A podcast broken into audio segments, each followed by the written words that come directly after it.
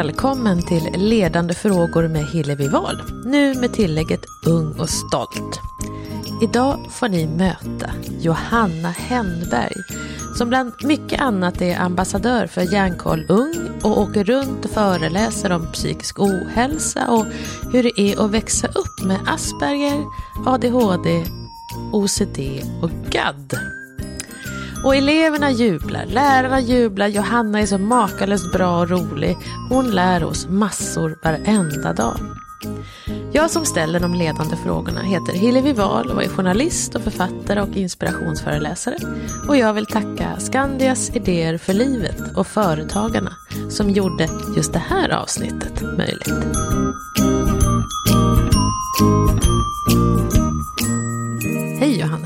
Hej! Välkommen hit! Tack så mycket. till podden. Det var så roligt, vi pratade om din t-shirt. Ska du berätta för de som bara hör oss hur den ser ut? Ja, den, det är lite sådär eh, serietidningsaktigt. Det är fyra stycken Pokémon på den och Pokémonen heter då Squirtle. Men skämtet är att de är klädda som Ninja Turtles och så står det Teenage Mutant Ninja Squirtles på den istället. Och det är typ, ja men det säger lite om mig och min humor ungefär. Och du gillar sånt, du hade också en väldigt speciell ryggsäck, vad var det för något?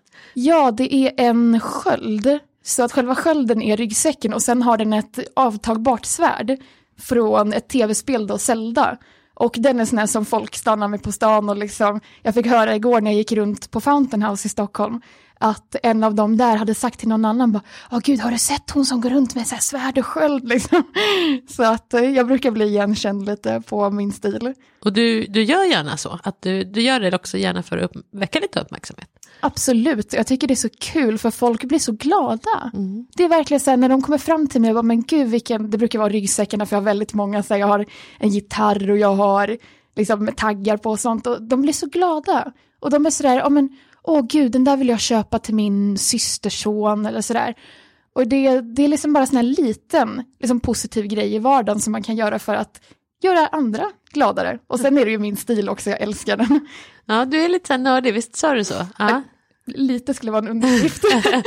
jag är väldigt nördig, det, det brukar vara det som jag definierar mig med lite, min nördighet. Mm. Och så är du, du är här för att du är, vad heter du, det heter ung ambassadör ung ambassadör för Järnkoll, eller ambassadör för Ung Järnkoll, så heter det va? Järnkoll Ung, ja. men det är jättenära. Ja, men vad, är, vad gör du då? Ja, jag är ute och föreläser och pratar i diskussionsgrupper och vi har unga vuxna-cafén och vi har, vi har lite allt möjligt där man pratar med folk. Och vare sig det är arbets, liksom, om man säger på företag och sånt, prata med ledningen. Jag har varit och pratat på Arbetsförmedlingen med deras chef, men och även typ så här, Sveriges kommuner och landsting var vi en fokusgrupp om första linjehjälpen, eller vården. Det är något nytt koncept som inte fanns på min tid.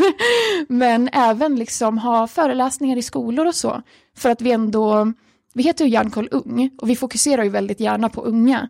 Men det är ändå även det här om man säger fokus på vårat perspektiv som unga, unga vuxna då. Jag är 26 så att vi får väl räkna det som ung. Men ska du berätta lite grann vem, vem, liksom, vem är Johanna från början? Ja, det kan jag göra. Jag är, gud vad ska man börja egentligen? Jag, jag är en sån här gammal eh, högpresterare från skolan brukar jag leda med då, för det är väldigt relevant till hela min livshistoria i princip. Och jag var sån här som jag började läsa tidningen när jag var sju, jag kunde engelska när jag var tio och allt sånt där. Och eh, det låter jättebra.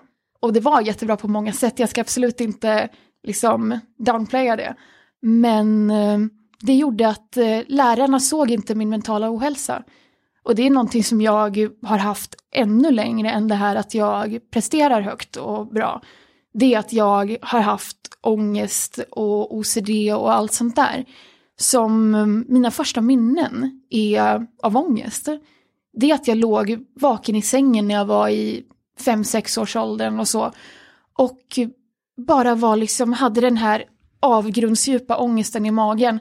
För att jag var så rädd för att dö. Mm. Jag hade min första existentiella kris när jag var liksom typ sex. Mm. Och eh, jag började noja över stelkrampssprutan när jag var sju. Mm. Och började sådär gråta och ha ångest och sådär. Och den tar man när man är tio. Ja, just det. Mm. Ja, nej men så att äh, ångesten och det kom först. Jag började utveckla OCD när jag var på, gick på mellanstadiet. Jag började sådär, ja men göra saker i mönster och få såna här orimliga tankar som att det kommer börja brinna om gardinerna ligger för elementen. Och sådana saker som mina föräldrar ändå uppmärksammade men de visste ju inte. De hade ingen kunskap om psykisk ohälsa. Och det håller jag inte emot dem, men däremot så håller jag det lite emot elevhälsan på alla mina skolor. För jag har flyttat runt mycket och inga från elevhälsan har snappat upp på det här. Trots att jag var sån här som, jag kommer ihåg att jag fick gå hem från skolan mycket i högstadiet för att jag blev väldigt mobbad. Och de liksom utnyttjade mina, min ångest och mina fobier och så för att liksom få mig att må dåligt. Men eh, lärarna om man säger, de såg bara det här att jag var jätteskötsam i skolan och det gick jättebra för mig. Och jag hade typ högst betyg på skolan så det var lite sådär att nej men jag vet inte om de antingen ignorerade det eller om de bara inte visste bättre. Och elevhälsan verkade inte ha någon kunskap om mental ohälsa överhuvudtaget. Nej. Så Det är så mycket på en gång här, så vi Ja, kan, dela upp det lite grann. För det första sa du att du flyttade väldigt mycket, och det pratade vi om på vägen Mm. hit också till studion.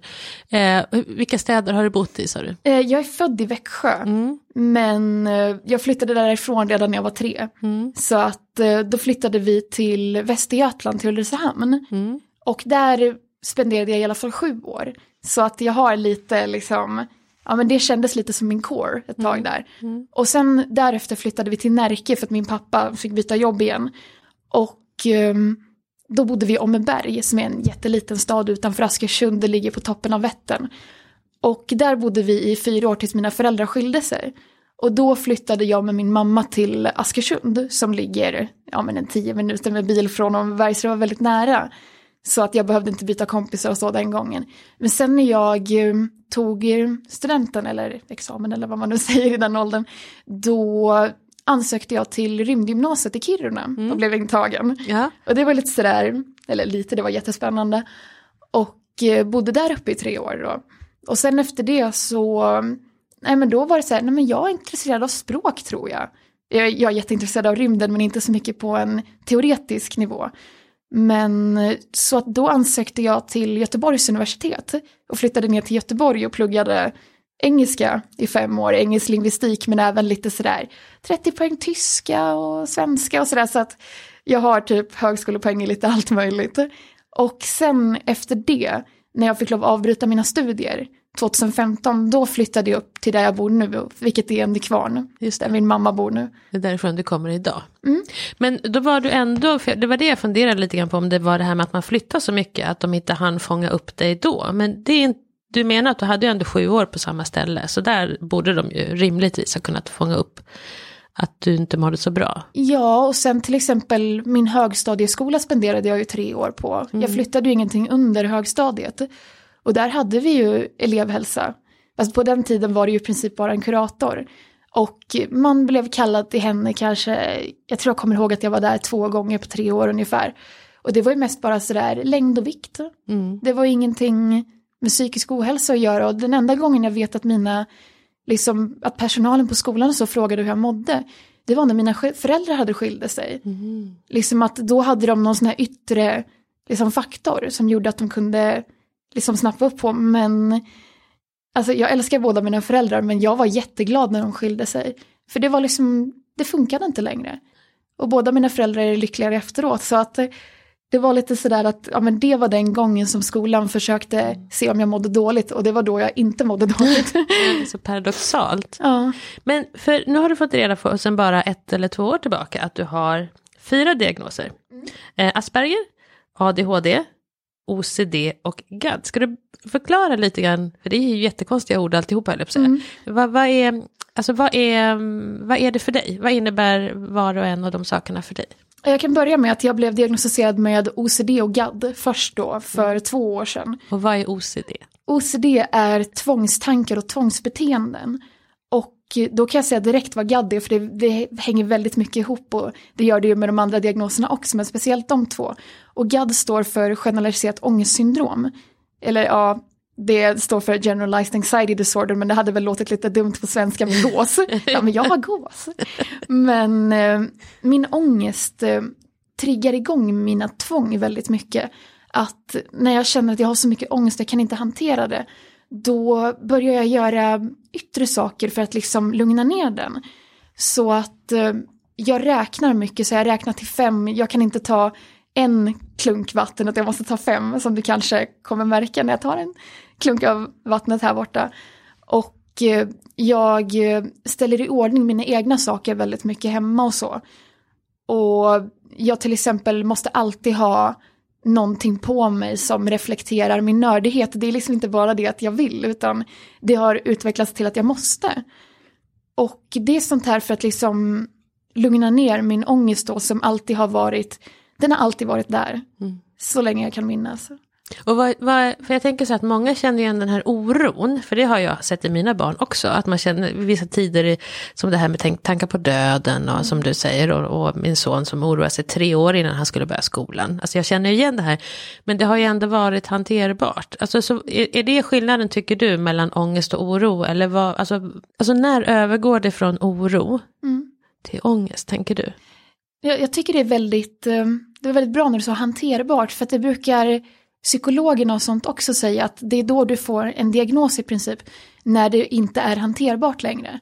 Så, och det är ju det som min ångest är, det är den som jag verkligen, jag måste ha mina mediciner mot min ångest, för annars, jag hade inte kunnat sitta här idag med dig. För att jag hade haft sån himla förväntansångest.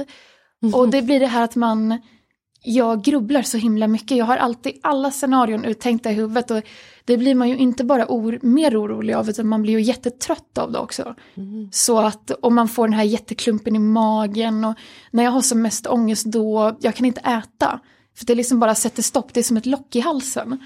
Och det är ju ohanterbart. Men sen finns det ju saker som jag, om man säger, blir orolig av och så. Men skillnaden där är ju liksom om man säger den fysiska reaktionen är inte lika stark.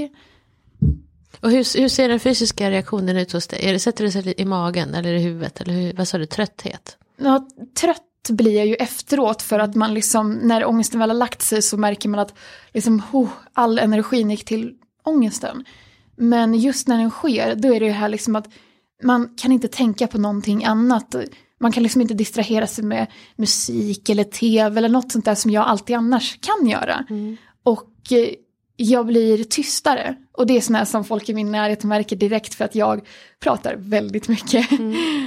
och eh, jag, eh, jag, jag kan bli skakig ibland och svettig. Och sen det här med att det är jättesvårt att äta. För att det liksom hela magen är bara kaos. Så att det är oftast det som är de liksom största fysiska reaktionerna för mig. Så du räknar mycket, det är sånt. Och eh, en del människor vet jag går och släcker, och, det gjorde min mamma till exempel, håller på med spisen, ska stänga av den hela tiden. Eller kolla dörren så den är låst. Eller, mm. eh, har du fler sådana där grejer som... Ja, alltså jag, jag har väldigt många och jag kommer alltid ihåg flera så här efteråt. Men till exempel att hemma så måste handdukarna hänga precis. Och det är svårt för min mamma och min stora syster som jag bor med. För de liksom de har ju inte OCD. Och de vill ju inte, om man säger, liksom spela med i mitt OCD så att det blir värre genom att de hjälper mig. Men de vill ju samtidigt inte göra det värre genom att de liksom bara slänger iväg sina handdukar för det skulle ju stressa upp mig jättemycket. Mm. Men liksom, jag ser ju det här precis vart de ska hänga. Och jag måste liksom lägga till rätta dem varje gång jag är på toaletten. Så att um, till exempel det, men sen det här med räkningen, det, alltså det blir nya nästan varje dag. Och det är liksom, till exempel för ett halvår sedan, då kunde jag sminka mig utan att räkna. Men nu måste jag liksom sådär, en, två, tre, fyra, mm. fem. Mm. Jag höll på att glömma bort vad jag hade något hos Men liksom att, att jag gör allting i omgångar av fem. Så att det är inte till exempel att ja, men jag kan bara liksom dra med mascarastaven fem gånger. Utan jag kan dra med den hur många gånger som helst så länge det är i en sekvens av fem. Så, att, så om jag liksom bara drar den tre gånger, då måste jag liksom, nej men två till. Och så blir det med jättemycket och det, som sagt det läggs till nästan varje dag. Med sådana här saker som man liksom gör repetitivt i, liksom utan kombinationer vanligtvis. så kan det bli att jag måste liksom lägga till på det för att det ska bli fem eller tio eller femton. Mm. Och sen, ja det, det räknas väl typ som OCD men att jag har inte haft på mig maka strumpor sedan jag var 14. Och det var sådär ett av mina första sånt där att jag bara måste ha på mig omaka strumpor. Det finns ingen logik bakom det överhuvudtaget. Och det är ju oftast det som är OCD. Att det inte liksom finns någon logisk anledning. Utan anledningen är bara, för mig är det om jag inte gör det så kommer jag få mer ångest. Så att därför är den väldigt anknuten till min ångest och min gadd. Så när, när, men det här fick du reda på samtidigt som du fick reda på att du har Asperger? Eller? Eh, nej, det var Nej. ett år senare. Det var ett år senare, jaha okej. För det är ju neuropsykiatriska diagnoser, NPF-diagnoser. Och de gör man en mer utförlig utredning för. Det är sådana här som man, om man hör att någon säger att jag går i utredning för det och det, då är det liksom NPF-diagnoser. Medan GAD och OCD är inte NPF-diagnoser, så att de fick jag mycket snabbare. För du har sagt någon gång att du älskar verkligen att vara ute och föreläsa. För att du säger så här att alltså, du brinner för att hjälpa andra människor. För att, att du fick reda på det så sent. Så det är en situation som jag vill göra allt för. Att andra aldrig ska befinna sig i. För hur, liksom, hur var det här i 25 år då? Gå omkring med det här utan att fatta vad det var. Ja, alltså, jag brukar säga det att jag trodde det var fel på min personlighet. För att jag fick väldigt mycket skulden från min omgivning och även, även de som menade väl liksom råkade indirekt skuldbelägga mig. Men till exempel som Aspergers kan göra en väldigt känslig för sinnesintryck. Och jag har det att jag är väldigt känslig för specifikt eh, hörsel och smak. Och det är ju någonting som liksom folk har märkt ända sedan jag var liksom hur liten som helst. Att jag liksom, det finns så mycket jag inte kan äta. Och det finns så många tysta ljud som jag tycker är så olidligt höga. Och jag har en fobi för så här plötsligt höga ljud som till exempel Ja men det kan vara allt från plingklockor till på dörren och brödrostar till ballonger och fyrverkerier och sånt. Och eh, det är sånt som liksom, ja men folk som inte ens har känt mig på skolan har vetat liksom att, ja men där är hon tjejen med ballongfobi liksom så att det är någonting som alla vetat om. Att ballongen smäller. Ja precis. Och eh, det är ju egentligen ett väldigt så här, solklart tecken på Aspergers men det visste ju ingen av oss. Men, och då har jag liksom fått det här att, nej men du bara är rädd, du är bara feg. Och du måste bara rycka upp dig. Du måste på något sätt trolla bort det här. För att de tror att det kan vara sådana här som, ja men till exempel vissa småbarn kan ha problem med att äta och sånt. Att de inte vill smaka saker och nej men usch grönsaker är äckligt och sådär. Men jag har haft det här liksom att starka smaker, jag klarar inte av en enda krydda förutom salt i princip. Och varma drycker och maträtter och sånt har jag svårt för, speciellt varma drycker klarar jag inte av. Och liksom starka smaker som kaffe och sånt, det liksom, det går inte. Alkohol. Stackars människa. Nej men liksom alkohol, jag har smakat, jag har druckit två klunkar i hela mitt liv för det var så olidligt äckligt. Ja men det är ju äckligt. Ja, Ja, Nej, men så att jag är liksom hyperkänslig för smaker. Och det var sånt där som liksom, ja men folk var liksom bara nej men du måste bara, du måste bara lära dig, du måste äta som en vuxen och sånt där. Och då tror man ju att det är fel på ens personlighet. Så att det har varit väldigt mycket skuld och skam. Och liksom att, ja men jag är, jag liksom är bara inte vuxen. Även när jag var vuxen liksom. Men så att sen att få reda på till exempel det då att det är från min Aspergers och det är någonting jag inte kan hjälpa. Då var det liksom bara, men herregud, det är ju inte fel på mig. Nej. Utan det är någonting liksom, sån här är jag, jag är född sån här. Det är liksom kemin i min hjärna, det är, det är någonting som, jag kan liksom inte bara liksom vilja mig själv till att helt plötsligt klara av att dricka kaffe. Det går inte. Så att det var jätteskönt. Vad gillar du dricka? Vatten. Ja. Eh, Mjölk brukade jag dricka mycket förut men jag börjar misstänka att jag är laktosintolerant. Okej. Men ehm, ja, viss saft funkar. Inte till exempel apelsinjuice, det är för, för mycket smak. Men till exempel ja, men hallonsaft och så. så Vad gillar du att äta för något? potatis. Potatis? Ja, och choklad, fast bara ljus choklad. Mm. Mörk funkar inte. Nej. Men sådär liksom lena, snälla smaker. Mm. Förutom vitlök, det älskar jag. Mhm. Men det är i princip den enda starka smaken som jag gillar. Annars är det liksom, ibland så kan folk vara som igår så åt jag en macka med hummus och rucola. Och då var det lite så här bara, åh nej men det var ju lite så här starka, lite spännande smaker. Men det var bara för att jag inte hade ätit på typ tio timmar så var det liksom, jag typ sådär, ja men jag, jag fick liksom sådär, mm, ta det lite. Men, eh, och sen hummusen var så pass len så att den maskerade rucolan lite. Men det är sånt som jag egentligen inte klarar av att äta. Nej. Men det, du har inte känt igen någon i din familj eller någonting? För du säger att du var ganska, kände dig ganska ensam kring att ha annorlunda, um, vara på ett annorlunda sätt. Och du har inte sett det hos din mamma och inte hos din pappa. Eller du känner inte igen dig i... Min stora syster Mm. har, eh, hon är inte diagnostiserad med någonting men i många mån så kan jag tycka att hon, de grejerna med Asperger som jag inte visar upp, de symptomen, de har hon väldigt klart. Mm. Och sen vissa grejer tycker jag att vi har alltid haft väldigt mycket gemensamma intressen och sånt.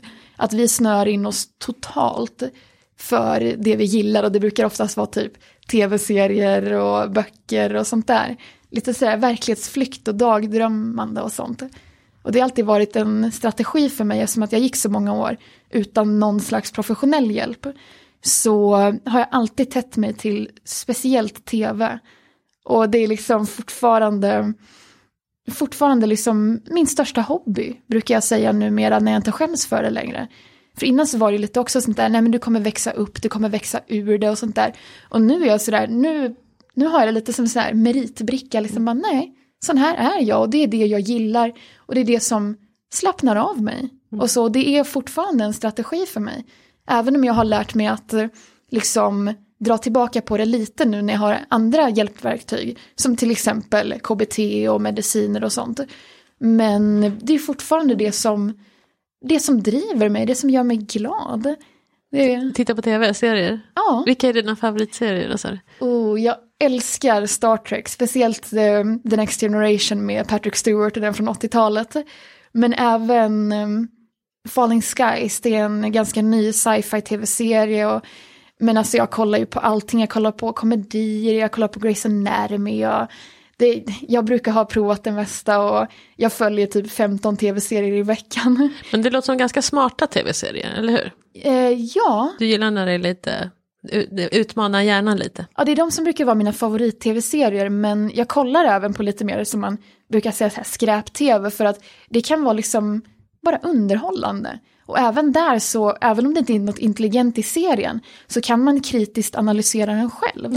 och, liksom, och jag är sån här som, jag, jag driver en blogg där jag pratar om liksom bara tv-serier i princip. Och liksom, jag brukar liveblogga, som det kallas, när jag kollar på tv-serierna. Att liksom jag sitter och liksom här lite stream of thought, liksom vad jag tycker om det. Och jag håller på med photoshop och gör liksom bildmanipuleringar och sånt. Och jag liksom, om jag verkligen gillar någonting så kan inte jag bara kolla på det på liksom sådär på ytan. Utan jag liksom verkligen analyserar allting och karaktärerna, jag brukar alltid falla för karaktärer jättehårt. Och då liksom man, man sätter sig in i dem och lever sig in i allting och man ser liksom hur skulle jag reagera i den här situationen och varför sa han på det här viset och inte så. Liksom att man kan verkligen analysera allting om man försöker. Även sånt som kanske inte författarna själva liksom la så mycket tanke i, det kan man ändå analysera. Men du, jag blir lite nyfiken, för det tänker jag så här, ehm, eftersom jag kommer från en familj med my- mycket blyga människor, så vi pratade lite grann om det innan, kan man använda det man lär sig i tv-serier till hur man liksom kan, eh, ja, till det allmänna sociala samspelet i, i Det vardagen? tycker jag, absolut. Har du något exempel på det? Eller? Alltså, jag vet att jag höll ett, eh, ett tal en gång på, vi hade retorik i skolan. Och då skulle vi hålla ett typ tacktal till någon som hade inspirerat oss och lärt oss saker. Och jag höll ett tacktal till kaptenen i Star Trek The Next Generation, då som spelas av Patrick Stewart, Jean-Luc Picard. För att eh, det, det är så himla mycket etik och moral, speciellt i Star Trek. Och det är liksom, alltså det är ju moralkakor och så i mycket, men det kan vara släng, liksom mer inslängt. Men i Star Trek så liksom, de har så mycket metaforer för verkliga liksom händelser, även om det är liksom aliens och sånt där. Men, och även om jag alltid har sett mig själv som en väldigt sådär, liksom introspektiv människa som tänker igenom etik och moral och sånt mycket. Och jag gillar att tro att jag är en bra människa i alla fall och jag även, liksom, även om det skulle visa sig att ja, jag är en jättebra människa så tycker jag alltid att man kan sträva för att vara ännu snällare, ännu mer omtänksam och liksom ha ännu bättre liksom värderingar. Och eh, då liksom kände jag att där har jag lärt mig så mycket och liksom fått så mycket kunskap om livet och man kan liksom jag har inte så jätte, om man säger grov Asperger som man ser på det här autismspektrat. Och det kan ju vara svårare ju, ju liksom längre åt det andra hållet man är. För då brukar man ha mer om man säger, liksom, eh, det, det kan vara svårt med känslor och att liksom, eh, att tolka andras känslor.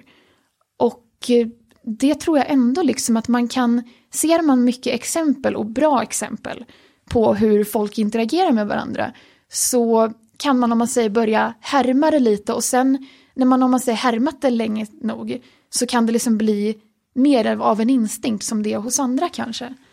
Just det. För som jag har kompisar med Aspergers och så som har, om man säger lite mer på just den sidan liksom av Aspergers. Och um, de kan man ju ibland se så här att de härmar ens kroppsspråk. Att om jag liksom gör en gest så liksom gör de den också, även om den inte passar in. Men att man till slut lär sig var det passar in. Och där tycker jag att tv är jättebra träning. Så att, och sen vet jag att jag, ja men jag fick mycket så här skit för det när man var yngre, liksom att ja, men du, du kommer växa ur det och du måste ha mer, om man säger rik, riktiga intressen, att liksom tv är inte ett riktigt intresse. Men till exempel anledningen till varför jag är så bra på engelska, det har ju jättemycket att göra med tv. Att liksom jag verkligen växte upp med liksom engelska på tv, engelska musik, allting sånt. Så att jag tycker man kan lära sig så mycket av det. Och det är någonting som jag inte skäms för längre. Nej men det är jättebra, för där är vi ju vuxna så dumma att vi håller på och oroas för det här. Hur ska det gå? Hur ska det gå för barnen som tittar på tv eller spelar spel? Men det är ju jättebra att du säger. Mm. Eh, för du var mobbad också. Eh, ja. ja. Vill du prata om det? Är det okej? Okay? Ja, det är helt okej. Okay. Ja. För de gick igång på dina rädslor, var det så? Mm, ja. Mycket, mm. och liksom att jag var annorlunda. Mm. Så, lite sådär man säger, jag brukar säga sådär mina Aspergers intresse för att mitt liv går i sådär faser, liksom att mitt första sådär riktiga, liksom, det är helt sådär, det, det liksom bara slukade hela mitt liv, det var Liseberg. När jag var typ fem år gammal började det, att jag var totalt besatt av det. Och det är ju sånt här som barn kan ha lite svårt för. Om någon liksom bara vill prata om en sak hela tiden. Och jag kan vara väldigt så. Och fortfarande liksom att ibland får folk stoppa mig lite när, när det kanske blir att jag pratar för mycket om typ Star Trek eller något sånt där. Men eh, så att det liksom gick de igång på. Och liksom mm, sen fick man väl lite sådär att man var den nya på skolan ofta det, även om jag inte flyttade så mycket så har jag varit ny på skolan några gånger. Och då blir det det här att folk känner varandra innan och sen kommer jag där som älskar tv och som är jätterädd för eh, skolans klocka liksom för rasten och så.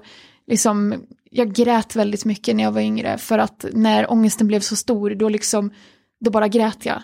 Så att då blev det lite också det här att, ja, men nu ska vi se hur vi kan få Johanna att gråta lite sådär antar jag. Men, och så var jag rädd för getingar och så, så att jag vet att någon gång fick lärarna, de fick ljuga för klassen och säga att jag var allergisk mot getingar. För att eh, annars stängde de aldrig fönstret när det var liksom getingsäsong och så. Och då, jag kunde inte fokusera på någonting, jag bara satt som liksom stel av skräck och sen liksom till slut fick liksom springa ut på toa och bara liksom storgråta. Och liksom skaka och helt, helt borta. Så att, eh, och det blir lite sådär när man är i den åldern så kan man vara lite liksom elak. Jag menar, jag, jag var väl inte heller något helgon, men eh, liksom att man vet inte bättre många och de tar ut sina egna rädslor och sånt på andra. Exakt. Och jag känner att, eh, som jag hade en av dem som ja men hon mobbade mig lite sådär till och från. Som sen på gymnasiet, liksom på Facebook och så bara, ja, jag ville bara be om ursäkt, liksom att ja, men jag, var, jag var en skit när jag var yngre. Och jag har sett det nu och det är liksom, jag ville bara säga förlåt. Och där är jag sådär liksom att jag hyser inget agg mot henne överhuvudtaget nu. För att hon liksom, hon var ung och dum. Så att det, och visst att det har skärrat mig, liksom om man säger, för livet, för det gör ju mobbing. Vad man än blir mobbad för så liksom, det sätter sig och det lämnar sina spår tyvärr, livet ut. Men just liksom ett förlåt kan betyda så mycket om det är genuint. Jag hade ju också väldigt många rädslor mm. när jag var liten. Uh, jag tror en del ärvde jag av min mamma som hade en massa fobier. Uh, andra ja, hittade jag väl på själv, vill jag på säga. Uh, och det var väl också ett sätt att hantera livet. Jag hade ju då två föräldrar som var missbrukare. Mm.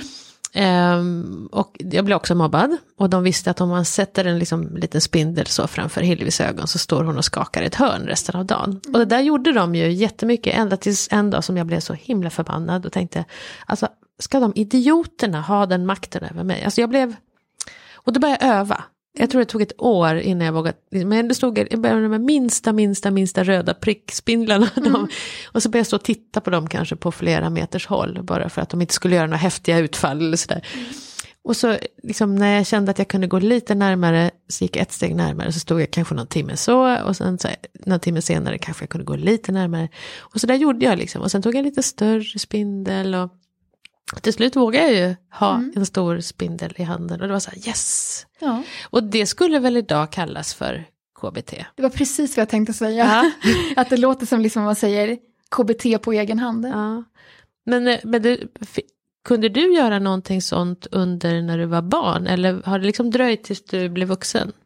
Ja, alltså det var väl vissa rädslor jag kunde utmana mer än andra. För som till exempel det här med höga ljud. Jag kan ju inte få mig själv att höra ljuden tystare.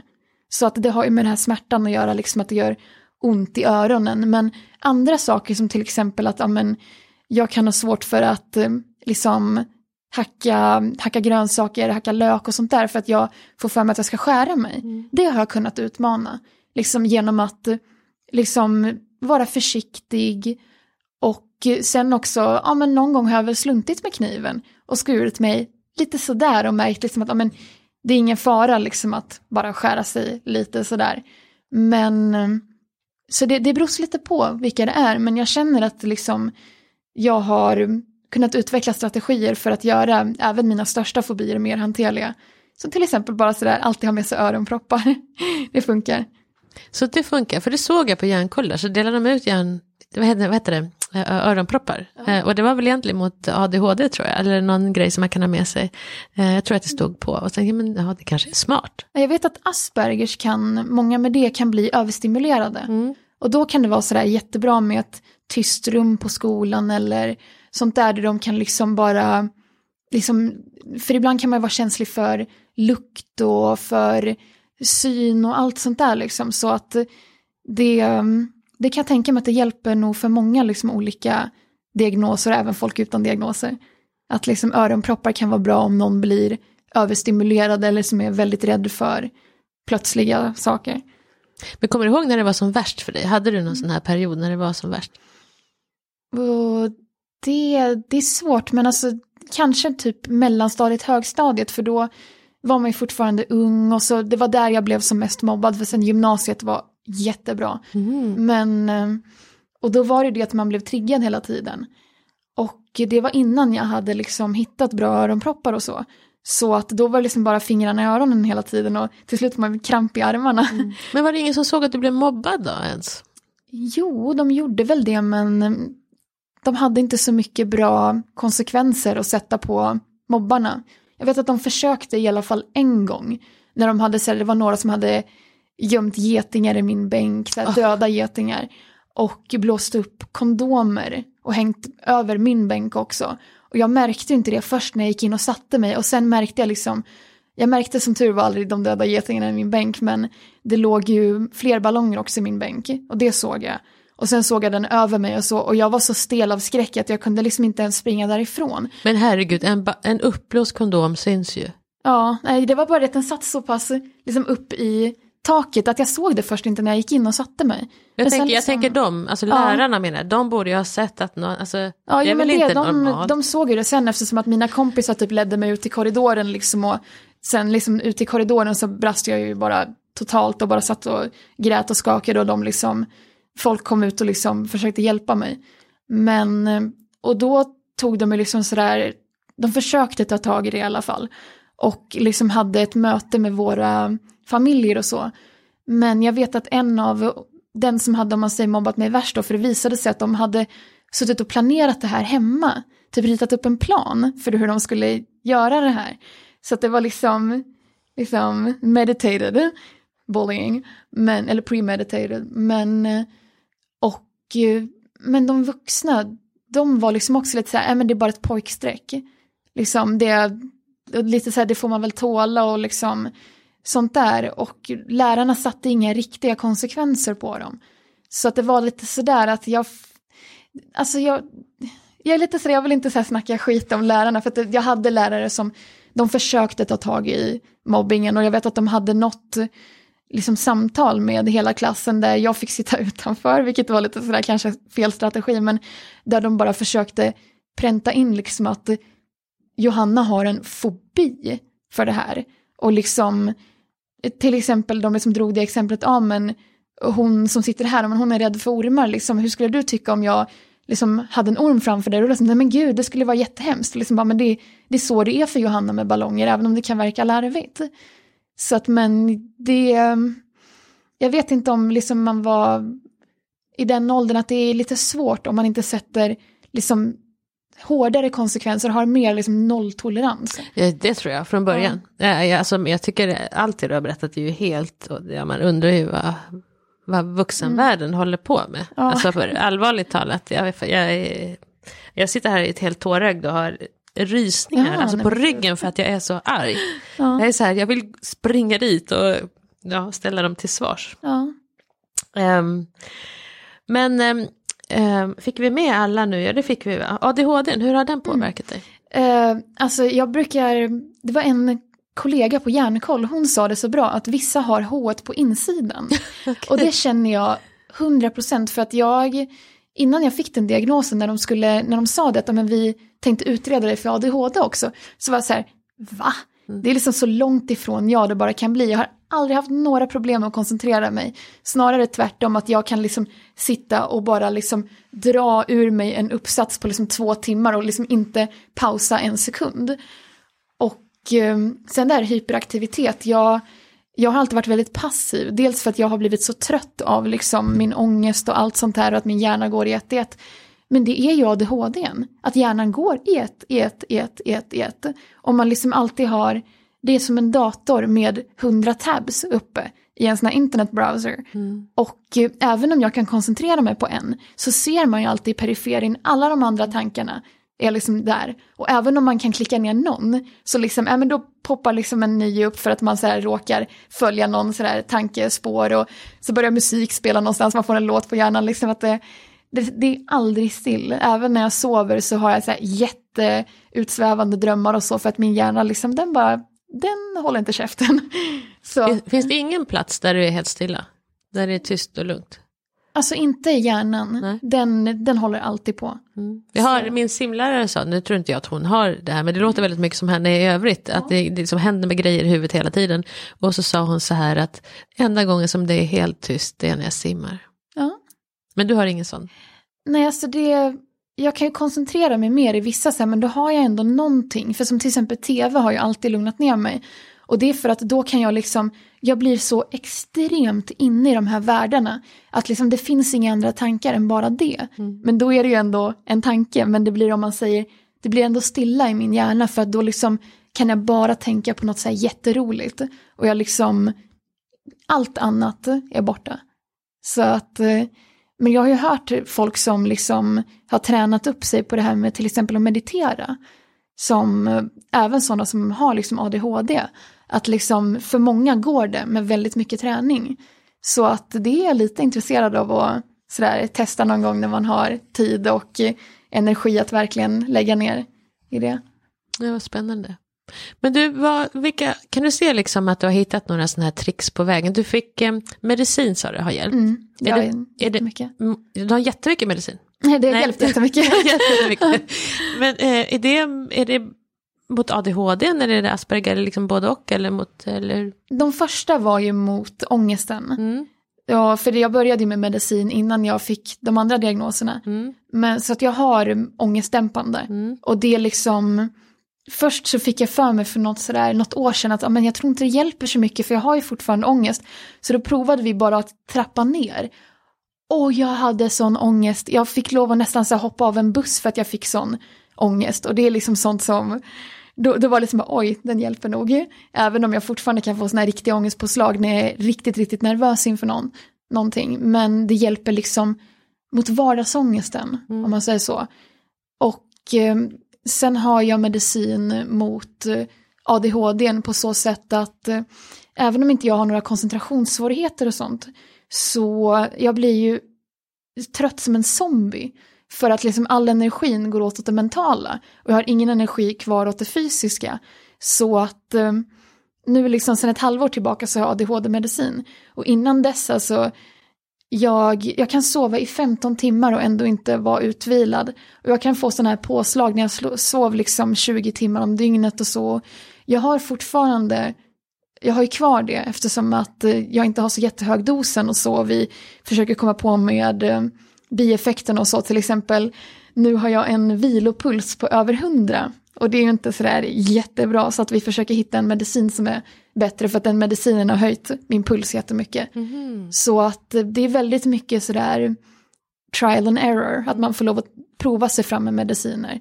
Men när man väl hittar någonting som liksom funkar så kan det vara som, liksom första gången jag tog ett ADHD-preparat då liksom, så var det som att stiga upp ur graven, det var liksom som att helt plötsligt, liksom, är det så här det känns att ha lite energi i kroppen? För att liksom, jag fick inte energi av någonting. Och jag får fortfarande väldigt lite energi av att sova och äta och sånt där. Så att um, jag skulle väl egentligen kunna, eller jag, jag vet att jag kan förbättra min kost och mina sömn, liksom, jag vet det, mitt sömnschema och sånt där. Vilket skulle kunna hjälpa mig med min energi. Men jag har ändå väldigt låga energidepåer på grund av det här att min ångest och min ADHD liksom bara liksom mentalt suger ut allting för att hjärnan alltid är igång. Mm. Så att um, utan medicinerna så skulle jag nog inte sitta här heller. Nej. Men det var ju bra att du kunde ta in, jag tyckte det var så fint ord, där, förväntansångest. För förväntan känns ju sådär härligt och så kan man ha ångest för det också, det är klart man kan. Ja. Ja. Nej, det brukar jag beskriva det som att jag har väldigt, väldigt mycket förväntansångest. Vare sig det är inför att åka en buss imorgon eller liksom sådär, för att liksom min hjärna tänker alltid ut alla olika scenarion. Liksom att allting från bara det här att man kommer för sent till att man kraschar och allt sånt där. Och jag har ju sån här, jag, jag drömmer ju ganska mycket mardrömmar, men det är inte såna här liksom att åh min mamma dör och liksom sånt där, utan det är typ att jag kommer för sent. Jag är på en flygplats och jag kan inte hinna fram till flyget i tid. Och jag vaknar alldeles sådär liksom nästan med gråten i halsen och alldeles kallsvettig. För att bara sådana saker liksom är, är jag extremt rädd för fortfarande. Och det har liksom bland annat medicinerna hjälpt mot att liksom trubba av den rädslan lite. Så att det liksom inte känns lika illa utan som till exempel idag kommer jag fem minuter för sent. Och då kunde jag liksom bara messa dig och säga det, nej men jag, liksom det var problem med pendeln. Mm. Men annars alltså för ett år sedan då hade jag ju liksom tagit ett- en pendel så att jag var här en timme i förväg liksom. Och det är ju lite extremt att få lov att göra det varje gång. Så nu har jag kunnat trappa ner på det liksom att jag kommer oftast fortfarande liksom minst en kvart för tidigt och ofta en halvtimme. Men det liksom tar inte över hela min tankegång längre. Just det. Men du verkar ha fått förtroende för den här läkaren då som du har, eller? Tyvärr så byter man ju läkare hela tiden inom psykiatrivården. Så att, um, men de flesta läkarna jag har haft har varit jättebra. Speciellt här i Södertälje, alltså jag, ju mer jag hör om många ställen i Stockholm, desto mer tacksam blir jag för Södertälje. För alltså, jag hör om folk liksom i min närhet som, nej men, när jag går till läkaren så är det bara så här receptförnyelse, så liksom bara pracka på dem mediciner. Eller inte några mediciner alls, eller ingen KBT, ingen rehabiliterande träning eller någonting. Och jag får ju liksom en, som en stor diaspora av bara liksom möjligheter. Och jag liksom får höra så här, men vill du att vi ska remittera det till Asperger centrum? Vill du prova på gruppterapi? Vill du liksom, och till exempel det här att jag då tränar. För det är inte alla som får, liksom jag jag har som en, nästan som en PT liksom på, på psykiatrimottagningen som jag går i gruppträning hos en gång i veckan. Och för mig är ju det jättestort, dels för det här att det är en del av min behandling och dels för det här att jag alltid har varit extremt stillasittande. Och liksom att bara få den här att även jag kan röra på mig. Det är liksom bara, typ folk som känner mig och liksom helt bara, liksom Johanna, röra på sig.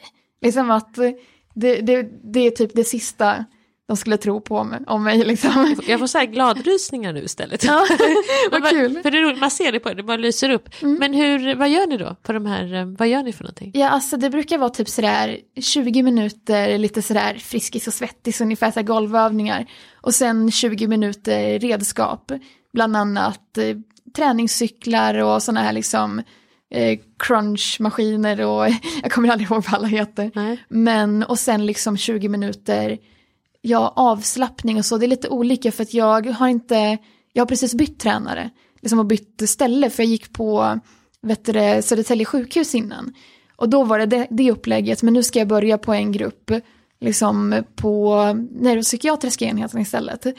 Och, ehm, men det verkar fortfarande vara ungefär samma upplägg, bara det att de det är inte lika stora lokaler, men hon har både en roddmaskin och en liten studsmatta. Och det är sådana som, liksom, om jag skulle ticka av två saker som jag skulle kunna tänka mig liksom att verkligen hålla på med under, med träning, det är liksom rodd och studsmatta för det är jättekul. Ja. Och det handlar ju jättemycket om det med att röra på sig, att hitta någonting man verkligen genuint tycker är kul. För annars så liksom, man kommer ju inte fortsätta med det. Liksom, så att om man hittar till exempel, nej men gud, pingis, fan vad kul det var.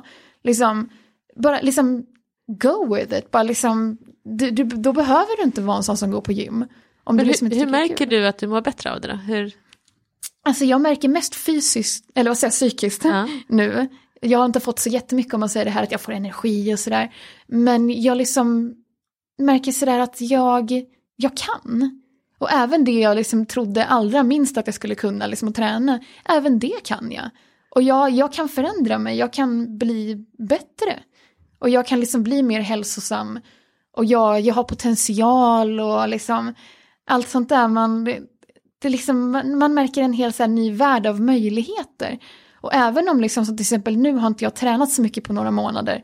För det har varit väldigt mycket med annat och så, med järnkoll och jag har fått lov att prioritera lite så mm, jag har prioriterat bort träningen lite så här några gånger. Men även då så kommer jag ihåg liksom att men, jag kan. Och liksom jag vet det nu när jag kommer börja med träningen igen nästa onsdag, liksom att ja, men, det här kan jag. Och liksom, jag kan vara mer hälsosam och liksom, som sagt jag, jag kan även det jag trodde att jag var jätte, jättedålig på. Och det kan man ju applicera liksom på andra ställen i livet. Men du är också engagerad i det här, vad heter Mental Health Run? Ja, ja. Ja, vi, vi var med i det Järnkoll liksom, som grupp förra året. Och eh, då liksom klickade jag med en av eh, liksom arrangörerna då, för det, det var ingen förening än och vi är precis på väg att bilda förening. Och eh, vi, liksom, vi var med i samma reportage på SVT tillsammans och så, så, så fick vi kontakten. Och sen liksom träffades vi på Mental Health och verkligen så här klickade jätteväl. Och då var hon bara det nu när de skulle bilda förening, liksom började prata om det i november, december, liksom bara, ja men Johanna, hon borde vara en styrelseledamot här. För vi behöver liksom ett annat perspektiv också, ett brukarperspektiv, ungdomsperspektiv. Och jag liksom bara, typ, det känns så, så främmande just för det här att jag aldrig har varit en friskismänniska. Så här, jag tror jag var bland de fem sista in i mål på loppet förra gången för att vi, vi gick, jag och mina kompisar, två av mina kompisar, men vi hade så himla kul ändå. Och liksom hela, man fick den här loppmentaliteten och liksom bara yes, nu ska vi liksom, inte det här att men nu ska vi springa först in i mål, utan liksom att nu ska vi röra på oss lite sådär och nu ska vi göra, nu ska vi liksom lyfta det här med psykisk ohälsa och liksom få in pengar till psykiatrifonden, för det är ju dit pengarna går, överskottet från Mental Health Run. Så att jag var ju ändå sådär liksom att, gud vilken ära att de vill ha mig. Och jag är fortfarande så här helt, jag pratar fortfarande om oss lite så här som dem. Men nu är liksom, jag är en av styrelseledamoterna för Mental Health Run. och liksom föreningen nu som bildas vilken dag som helst. Jag tycker det är så häftigt också när du berättade att du föreläser på engelska. För nu får du ju nytta av det här, ditt språkintresse till exempel. För det var någon som sa, har ni någon som kan föreläsa på engelska? Och du bara, ja men jag pratar nästan häng, hellre på engelska du. Ja. Ja, det är liksom, eftersom att jag gick så himla mycket engelska, dels på universitetet också, men sen har jag alltid liksom varit flytande i engelska, mycket på grund av tv-serier, men även det här att jag pratar om tv-serier på internet, så att många av mina bästa kompisar är amerikaner. Och eh, en av dem, det är lite sådär, jag vill inte säga så att ja, alla ska hitta kompisar på internet och alla internetkompisar är liksom bäst och att det inte finns några creeps. Men jag har väldigt många sådär jätte jättebra kompisar som jag sedan har träffat i verkligheten som jag började lära känna på internet på grund av mina, eller på grund av, tack vare mina intressen. Och liksom många då på engelska. Så att ehm, då liksom har jag utvecklat det väldigt mycket och Alltså jag brukar säga det att jag stavar så mycket sämre på svenska. För jag skriver det väldigt sällan. För att när jag kommer hem och så liksom slår på datorn så sitter jag och skriver liksom hur mycket som helst. Men på engelska. Så att liksom jag måste alltid, eh, sån här autocorrect. På engelska så är det sådär liksom att ja, men jag är autocorrect i princip, jag behöver inte. Men på svenska så är det så här, gud hur stavar man till typ hellre liksom. Mm. Men så att det har jag dragit nytta av jättemycket. Vad kul. Ja, för som min om man säger första dröm var ju egentligen att bli undertextare mm. för tv. Mm. Och det är fortfarande sådana som jag, jag har liksom inte släppt det helt utan jag, det, det, skulle fortfarande vara jättekul att vara liksom översättare med, med inriktning liksom tv och skriva undertexter. För att jag liksom om man säger, jag har ändå allmänbildningen när det gäller det.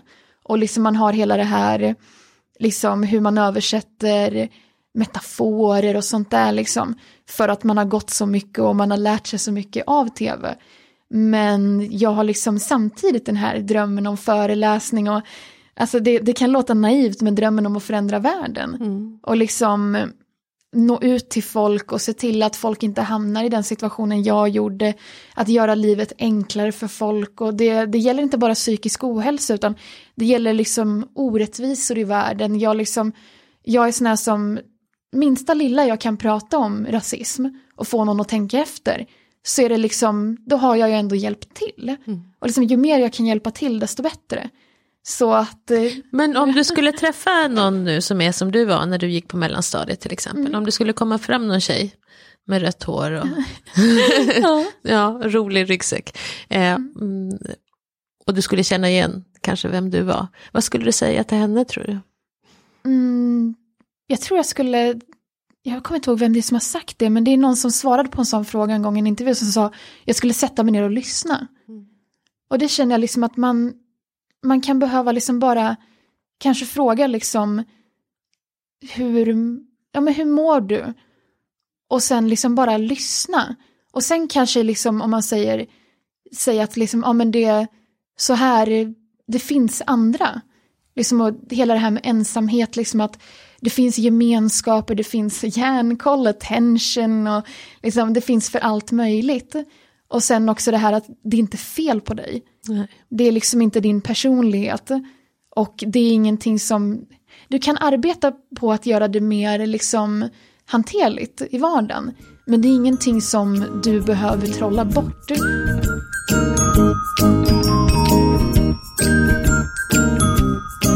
Och precis så är det ju. Det finns ingenting med dig som du behöver trolla bort. Tack Johanna för ett inspirerande samtal som jag kommer att bära med mig länge. Johanna samarbetar också med ett NSPH-projekt som heter Växa och må bra. Länk till det och Järnkoll och andra bra sajter där du som lyssnar kan få stöd och hjälp, det hittar du i poddens beskrivning. Det finns även på hemsidan och på Facebook. Och om ni gillade samtalet så blir jag jätteglad om ni delar vidare.